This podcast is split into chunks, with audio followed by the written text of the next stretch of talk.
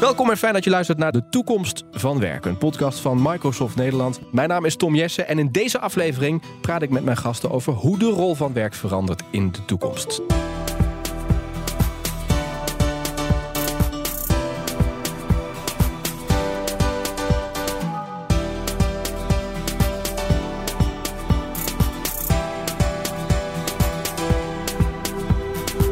Gast zijn Isabel de Klerk, oprichter van Connect Share, lead en auteur van het boek Het hybride werken, een manifest. Fijn dat je er bent. Dankjewel dat ik hier mag zijn. En eh, Shanna Bosmans is ook bij ons eh, Chief Hybrid Officer bij Microsoft Nederland. Welkom, goed dat je er bent. Dankjewel. Laten we eerst eens eventjes beginnen met, ja, wat ik net al zei in de introductie, die veranderende manieren waarop mensen kijken naar de rol die werk speelt in hun leven en hoe dat ook verandert. Shanna, wat, wat gaat er aan veranderen? Ik denk dat daar al heel veel is veranderd. Hè. We zijn uh, met z'n allen door een collectieve uh, ervaring gegaan de afgelopen twee jaar tijdens de coronapandemie, die echt de kijk op werken heeft veranderd.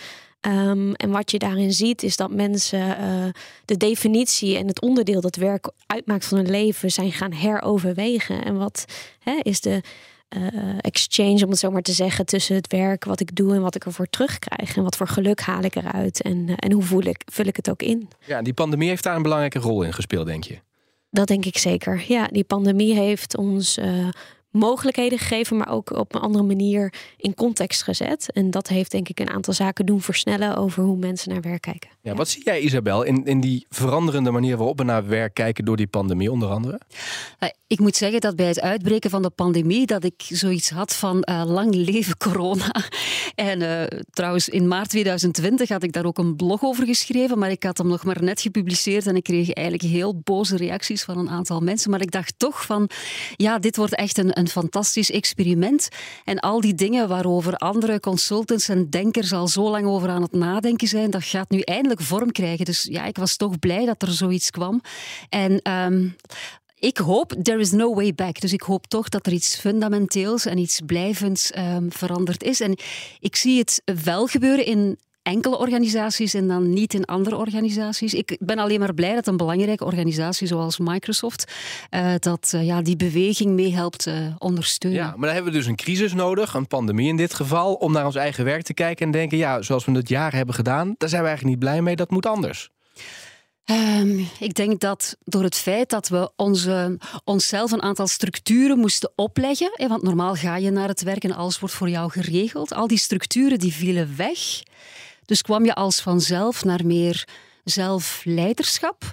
En ja, er was ook geen afleiding van een leuk kantoor en van fijne collega's en van mooi kantoormeubilair. Dus het enige wat er was, was het werk. Het werk, me, myself en I. Mm.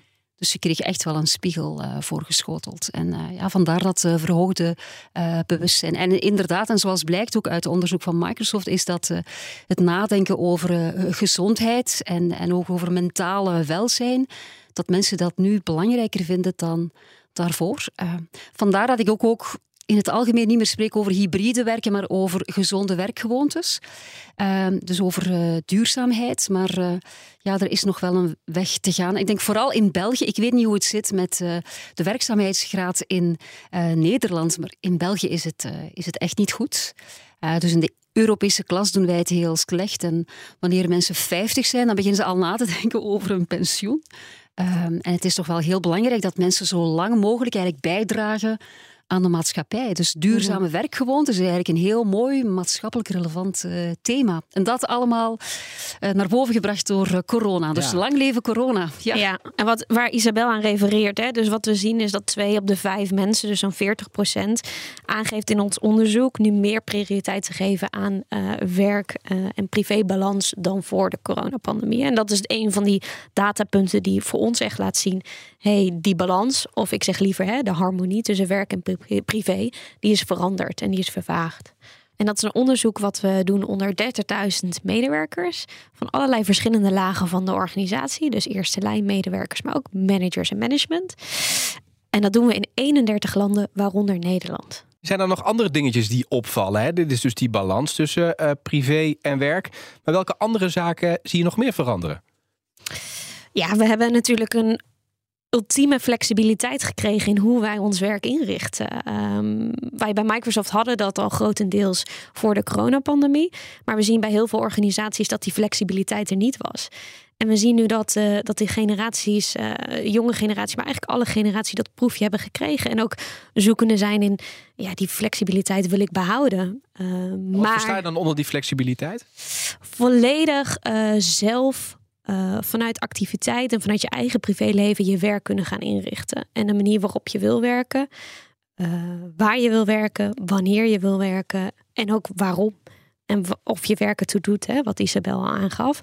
En ik denk um, dat die waarom ook een hele belangrijke vraag is om verder op te pakken voor organisaties daarin. Ja, ja jij zegt ook, Isabel, uh, het is eigenlijk op zoek naar goed werk. Kun je goed werk dan uh, definiëren? Wat versta je daar dan onder? Ja, ik moet toegeven, en ik heb dat vanmorgen ook tijdens de presentatie gezegd, dat het woord goed werk, ik heb dat niet uitgevonden, ik heb dat gepikt. Want jullie hebben samen bij Microsoft vanochtend een verhaal, ook hier weer overgehouden. Ja, hè? Dus het, is ook, het, het leeft, er is veel behoefte om dit verhaal ook te horen. Eh, ik hoop het, eh, want het, is toch wel een heel mooi thema. Um, maar dus het woord goed werk heb ik eigenlijk gestolen van een van Nederlandse professoren die in 2020 eh, aanbevelingen deden aan de Nederlandse regering. En zij zeiden, wij moeten eh, op zoek naar goed werk. En voor hen betekent dat dat mensen grip hebben op uh, tijd, grip hebben op hun leven en ook grip op geld. En dat woord grip is ook bij mij eigenlijk blijven hangen. Dus meer controle, meer zelfbeslissingen kunnen nemen. Nu, ik heb gezegd inderdaad op zoek naar goed werk. Ik heb een definitie gegeven van goed, maar dat is ook op zoek naar, is ook een belangrijke. wil zeggen, we zijn, uh, we zijn zoekende. En wat ik dus eigenlijk hoop, is dat organisaties nu niet alles weer in regeltjes gaan vastleggen, maar dat mhm. we blijvend uh, experimenteren. En daar ben ik bang voor dat dat niet gebeurt. Hè. Um, ik zie in België weer heel veel mensen in de, in de file staan. Um, en dat het hybride werken wordt herleid tot maandag en dinsdag thuiswerken. En ik hoop dat het verder gaat dan dat. Ja. Hoe zie jij dat, uh, Shanna? Want experimenteren is natuurlijk belangrijk. Dat geeft mm je ook weer nieuwe inzichten. Aan de andere kant zijn we natuurlijk ook als mensen gewoontedieren. Dus we zijn op zoek naar een bepaalde houvast. Hoe kijk jij daar tegenaan? En met name misschien wel naar het feit hoe een werkgever hier toch ja, een soort van um, voorop in moet gaan. Want werknemers kijken toch ook in deze discussie naar hun baas. Uh, een heel mooi punt, inderdaad. Kijk, wat we zien, werknemers willen die flexibiliteit. En die willen ze niet meer teruggeven. En dat is denk ik heel belangrijk voor alle organisaties om te beseffen. En dat is wel schrokbarend dat we ook in onderzoek terugzien dat leidinggevenden toch weer, hè, wat Isabel aangeeft, het proberen te conditioneren aan een aantal dagen of soms volledig uh, de werknemers terug op de werkvloer willen. Nou, dat is denk ik één belangrijk uh, inzicht. Daarnaast is de rol van een manager hier ook in veranderd. En er moet ook wel op zekere hoogte duidelijkheid worden geschept, of in ieder geval een gesprek worden gevoerd op wat voor manier willen we dan wel gaan samenwerken. En daar zien we ook een grote uitdaging in, namelijk dat uh, aan de ene kant de werknemer niet goed weet waarom, wanneer, hoe werken we nou samen binnen teamverband. Um, en aan de andere kant, de manager weet ook niet zo goed hoe die het mag faciliteren. En wat de mogelijkheid is die die krijgt vanuit het management om dat te faciliteren. Dus wat zijn de kaders binnen een organisatie, hoe zij de toekomst van werk willen inrichten. En ik wil ook even inhaken op het punt van, van Isabel. Want de toekomst van werk, ook vanuit Microsoft perspectief, gaat niet alleen over hybride werken. Wij hebben vier eh, speerpunten vanuit onszelf.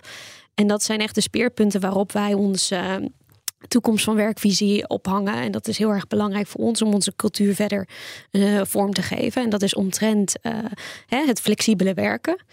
Maar ook welzijn en care asynchroon werken. Dus dan ga je veel meer over de balans tussen synchroon en asynchroon hebben. En de functie van place, zeg maar. En dan hebben we het over een kantoor en een kantoor ook als een social hub kunnen inzetten. Ja, kijk, dat zijn hele mooie zaken. Hoe je dus als werkgever ook kunt faciliteren wat jullie betreft in ja, het veranderende landschap waar we in zitten. Misschien kunnen we ze eventjes één voor één eens eventjes langslopen, omdat we er misschien wat meer voorbeelden bij kunnen geven, zodat het ook echt gaat leven. Maar goed. Die flexibiliteit, Um, daar heb ik dan meteen ook de vraag bij Isabel: van, moet je daar niet kaders stellen? Want flexibel is goed, maar ja, je kunt het ook niet allemaal maar loslaten. In verband met flexibiliteit um, zou ik een aantal dingen willen zeggen. Eerst en vooral, um, ik werk al thuis sinds 2012. Um, nu ben ik zelfstandige, dus ZZP'er in, uh, in Nederland, maar daarvoor was ik werknemer. Um, en wat ik gemerkt heb, is wanneer ik een eindeloze flexibiliteit heb, dat wil zeggen wanneer het niet duidelijk is wanneer mijn werk start en wanneer het eindigt, dat je gaat naar eindeloos uitgerokken werkdagen. Bijvoorbeeld, morgens was ik aan het werken, ik had eigenlijk niet zoveel zin en dan dacht ik, ik kan het vanavond afwerken. En dat is niet goed, want dan begin je eindeloos en dan wordt je werkdag eh, eindeloos uitgerokken. Dus wat ik toen, ik herinner me nog heel goed een, een gesprek dat ik had met de Human Resources Manager van mijn toenmalige werkgever, dat ik zei, het is niet goed om te gaan voor jezelf naar eindeloze flexibiliteit, maar eerder naar vaste werkpatronen. En een vast werkpatroon, dat geeft ook een zekere rust en dat garandeert productiviteit en creativiteit. Waarom? We zijn niet alleen uh, medewerker, we zijn niet alleen professional, maar wij spelen verschillende rollen. We zijn ouder, we zijn vriend van, we zijn partner. En als we die verschillende rollen kunnen opnemen, dan zijn wij compleet als persoon, dan zijn wij gelukkig en well-being. En dan kunnen we ook productief blijven. Dus het is belangrijk om een beperkt aantal uren per dag wel creatief en productief te zijn. En uh, discipline uh, helpt daarbij. Um, toen was er een, uh, een, jonge man in een van mijn workshops en die zei: Ja, let op, Isabel. op een bepaald moment was er een staking in Vlaanderen. Um, en zegt hij, die flexibiliteit heeft mij toegelaten om om vier uur mijn kinderen op te halen aan, uh, aan school. Tussen vier en zeven ben ik met hen bezig geweest en daarna kon ik opnieuw het werk opnemen. En toen zei hij, maar het klopt wel um, om een goede toch, uh, barrières, grenzen af te bakenen in je hoofd. Dus als je on bent, you're on, if you're on, you're on. En if you're off, you're off. Dat is ook een manier om uh, ja, discipline, discipline te houden. Dus ja. dat vind ik toch wel heel belangrijk. Het is niet duurzaam, het is niet gezond om elke dag 12, 13 uur te werken. Hm. Zie je dat ook zo, Shanna? Uh, wij hebben daar inderdaad een, een bijpassende quote over. En dat betekent: flexible work doesn't mean always on. Eh, precies aan het punt waar Isabel aan refereert. En daar gaat het ook over. Hoe kun je heel goed jezelf aan en uitzetten? Ondanks dat we die flexibiliteit geven, moet het niet betekenen dat je het idee moet hebben vanuit de organisatie of vanuit je collega's dat je maar altijd bereikbaar hoeft te zijn. Hè? Dus daarin uh, een stukje zelf uh, leiderschap nemen is heel belangrijk, maar ook vanuit de organisatie dat uitstralen. Hè? Isabel vertelde vanochtend en heel pakkend, en dat zie ik ook nog heel vaak met organisaties waarin ik spreek, dat, dat leidinggevenden zeggen: hè? heel belangrijk om je focustijd in te plannen en, en tijd te nemen voor je lunch. Maar op mijn niveau lukt dat niet. Of hè, mij is het niet gelukt vandaag. Ja, en dan gaat de hele boodschap meteen verloren. Hè? Want dan heeft die werknemer meteen het idee van... nou, als ik op dat niveau terecht moet komen... of als ik op dat niveau terecht wil komen... kan ik dus blijkbaar niet die ruimte pakken... om mijn lunch te eten en mijn focuswerk in te plannen. En ik denk die voorbeeldrol van leiderschap... is daarin ook, uh, ook cruciaal. Maar ook vertrouwen. Hè? Wat wij zeggen, een van de randvoorwaarden om die flexibiliteit te gaan bieden als organisatie, is echt um, je mensen en je medewerker leren vertrouwen. Heel veel uh, managers of management hè, had toch het idee op het moment dat je in het kantoor bijvoorbeeld aanwezig bent, dan ben je er en dan ben je mhm. werkzaam. En vinden het toch nog steeds misschien een beetje spannend op het moment dat dat los wordt gelaten, in hoeverre dan iemand werkt. En dan ga je dus kijken hoe kun je als organisatie shiften naar uh, meer een output-based uh, manier van mensen beoordelen. En niet zozeer op de activiteiten of de tijden dat zij werken. Je noemde net ook welzijn en care was het volgens mij, hè? Ja. Punt. Wat, wat, wat moet ik daaronder verstaan? Wat, wat, wat is het idee daarachter? Ja, welzijn en care is eigenlijk tweeledig. Aan de ene kant een stukje welzijn vanuit de organisatie. Dus hoe kun je omgaan met, eh, met de medewerkers, met duurzame werkgewoontes creëren. Um, en daar als, als organisatie een beeld bij hebben. Bij ons komt dat heel erg vanuit de, in eerste instantie een stukje cultuur, omtrent growth mindset. Eh, echt het willen leren, van elkaar willen leren, openstaan, hè, fouten maken mag. Daar ga je van leren, dat is juist belangrijk. Uh, maar vervolgens gaat dat ook een stukje om hoe laat je dan de manager daarin zijn rol pakken. Wij hebben daar onze management principles, model, coach en care. En daarin is ook echt een rol van de manager weggelegd om veel meer hè, in deze uh, uh, digitale, virtuele, hybride wereld uh, wel heel erg voor die medewerker aanwezig te zijn en die check-in te doen met hoe het met hem of haar gaat. En dan heb je ook nog verantwoordelijk natuurlijk bij de medewerker zelf. Hè? Hoe, uh, Isabel zei het al net, hoe kader je je werk, hoe zet je jezelf uit. Um, dat is ook een stukje verantwoordelijkheid die je bij de medewerker wil leggen. Maar waarbij je wel handvaten kan geven en bijvoorbeeld technologie ook kan helpen. Voor mijzelf bijvoorbeeld uh, helpt het uh, dat ik mijn focustijd inplan en automatisch al mijn notificaties geblokt zijn. Dus als ik zeg ik ga nu focussen en ik krijg allemaal chatjes binnen, dan is het voor mij heel moeilijk om echt dat focuswerk uit te voeren. Dus ik zie daar technologie als een enabler om, uh, om het in te zetten. Precies. Dat is wel belangrijk om aan te geven. Hè? Techniek is wel belangrijk in de ondersteuning, maar het moet niet leidend zijn volgens mij. Hè? Het is niet een doel aan zich. Nee, zeker niet. Nee. Ik vond ook een mooie asynchroon werken. Laat ik even bij jou beginnen, Isabel. Wat versta jij onder asynchroon werken? Want ik denk dat we die even moeten uitleggen. Ja, voor mij is dat echt wel de kern van uh, het succes van uh, de toekomst van werk. En in 2017 heb ik mijn eerste boek gepubliceerd met als titel uh, Social Technologies in Business. En eigenlijk ging het daar over de kracht van kennisdeling via digitale tools, zoals bijvoorbeeld uh, LinkedIn of uh, Yammer van, uh, van Microsoft. En ik was daar toen al een ongelofelijke fan van, omdat het ja, kennisdeling toelaat over alle grenzen heen, geografische grenzen, hiërarchische grenzen. Maar het laat mensen ook toe om hun gedachten te ordenen. Het geeft ook een stem aan meer introverte mensen. Dus ja, ik vond dat toen al echt een fantastisch topic. En, en voor mij is het hybride werken dan gewoon, weet je, het tweede boek was eigenlijk echt wel het vervolg van het, uh, van het eerste boek. Maar asynchroon betekent um, um, alleen en toch samen. Alleen en toch verbonden. Dus remote but not distant. Dus ik, ik, bijvoorbeeld om het, eh, het voorbeeld te geven van LinkedIn, ik, ik deel iets op LinkedIn. Ten eerste verplicht het mij om mijn gedachtegoed te ordenen. Um, want ik kan niemand verplichten om die dingen te lezen. Dus ik moet er maar voor zorgen dat mijn boodschap goed overkomt. Dus het is een manier to crystallize your thoughts. Dus een goede manier zelf om te leren hè, en te communiceren.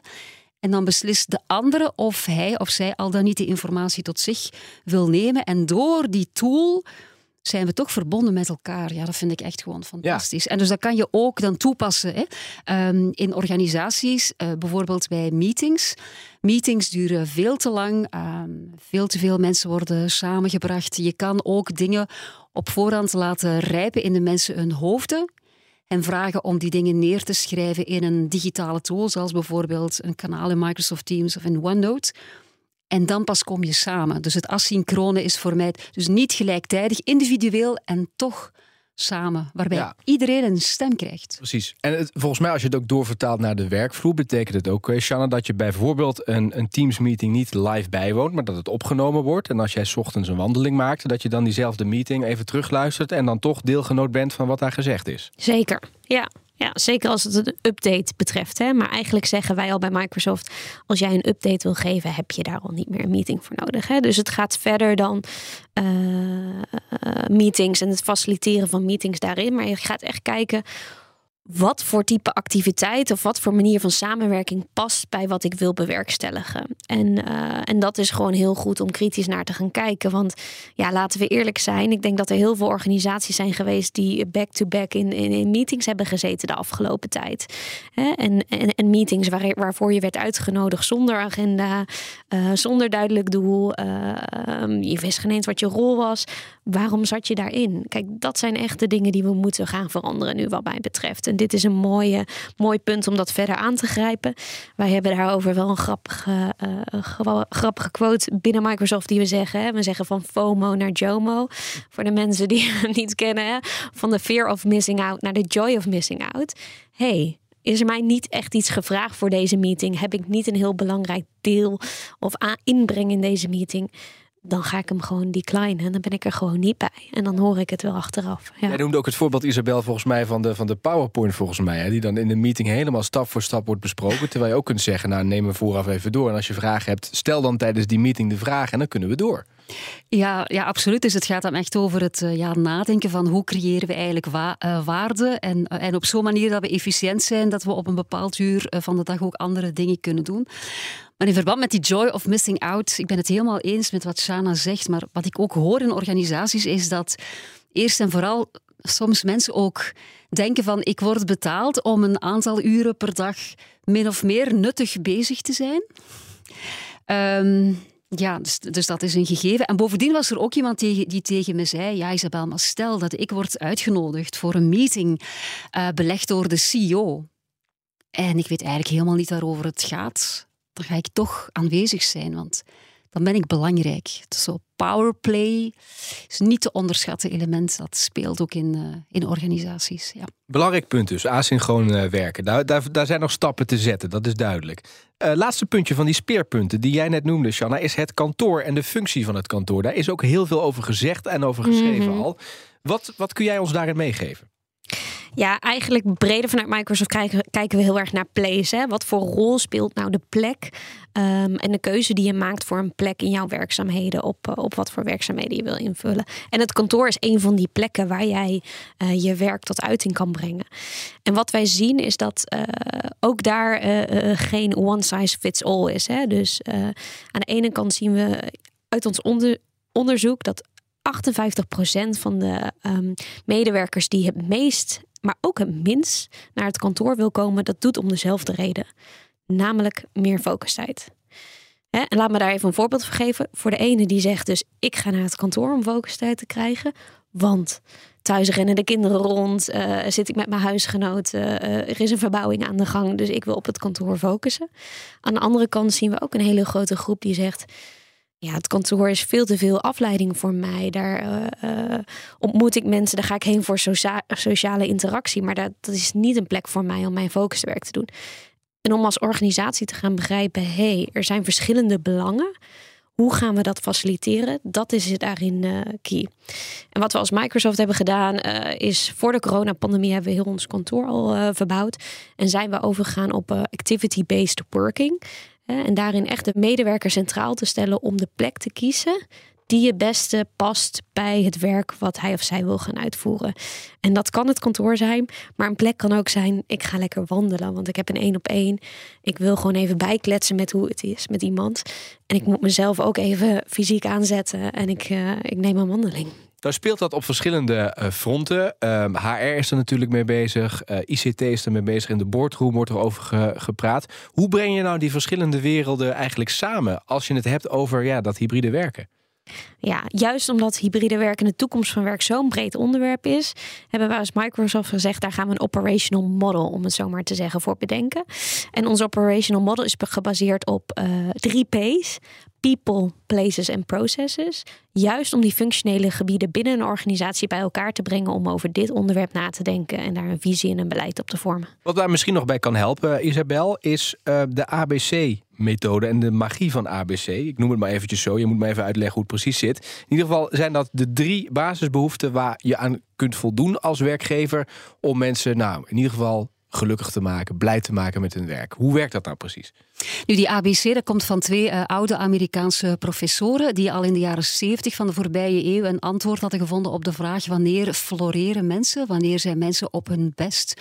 Ik weet eigenlijk niet hoe het komt, maar dus deze theorie is uh, helemaal weer in zwang de laatste tijd. Uh, zij, DC en Ryan zeggen dat uh, mensen op hun best zijn wanneer er voldaan is aan hun drie psychologische basisbehoeftes en die zijn ABC. De A staat voor Autonomous Motivation, dat wil zeggen ik word gemotiveerd of ik ben gemotiveerd om een aantal dingen te doen en dat is niet om te beantwoorden aan standaarden van anderen, maar omdat de motivatie als het ware van mezelf komt uit mijn buik. De B staat voor sense of belonging. Dat wil zeggen, ik word gehoord en gezien, maar ik draag ook bij. Dus het is niet alleen iets krijgen, maar ook iets geven.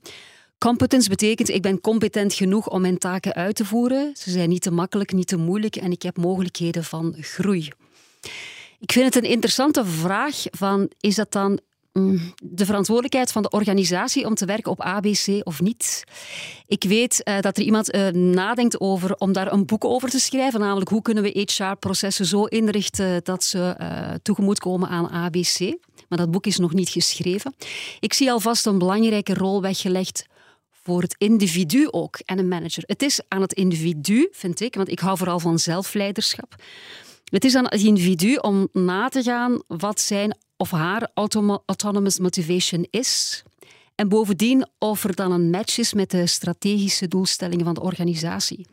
Want als jij die taken kan doen die voor jou fun zijn of die betekenisvol zijn, dat is een goede motivatie, autonomous motivation. En als die overeenkomen met de strategische doelstellingen van de organisatie, then there is the perfect match, dus de Tinder match. Maar dat is vooral het individu dat erover moet nadenken. En ik vind dat er vaak, als het gaat over het hybride werken, wordt er misschien iets te veel aandacht gegeven ook aan de manager. Nu, het team is superbelangrijk, hè, want je hebt de, visie van de organisatie en dan is het aan het team om bepaalde team agreements te maken, waarbij het onderzoek van Microsoft toont dat er nog te weinig teams zijn die, deze team agreements hebben gemaakt. Um, en natuurlijk is het aan de manager om te zorgen voor die sense of belonging en ervoor te zorgen dat medewerkers ook de juiste taken krijgen en vooral dat er mogelijkheden zijn van groei en daar die working out loud, waar uh, Shannon naar verwijst, uh, komt eigenlijk van uh, John Stepper. Uh, ook daarover heb ik een uh, hoofdstuk geschreven in, uh, in mijn eerste boek. Ik vind het iets heel moois, maar het gaat eigenlijk over kennisdeling, synchroon en asynchroon.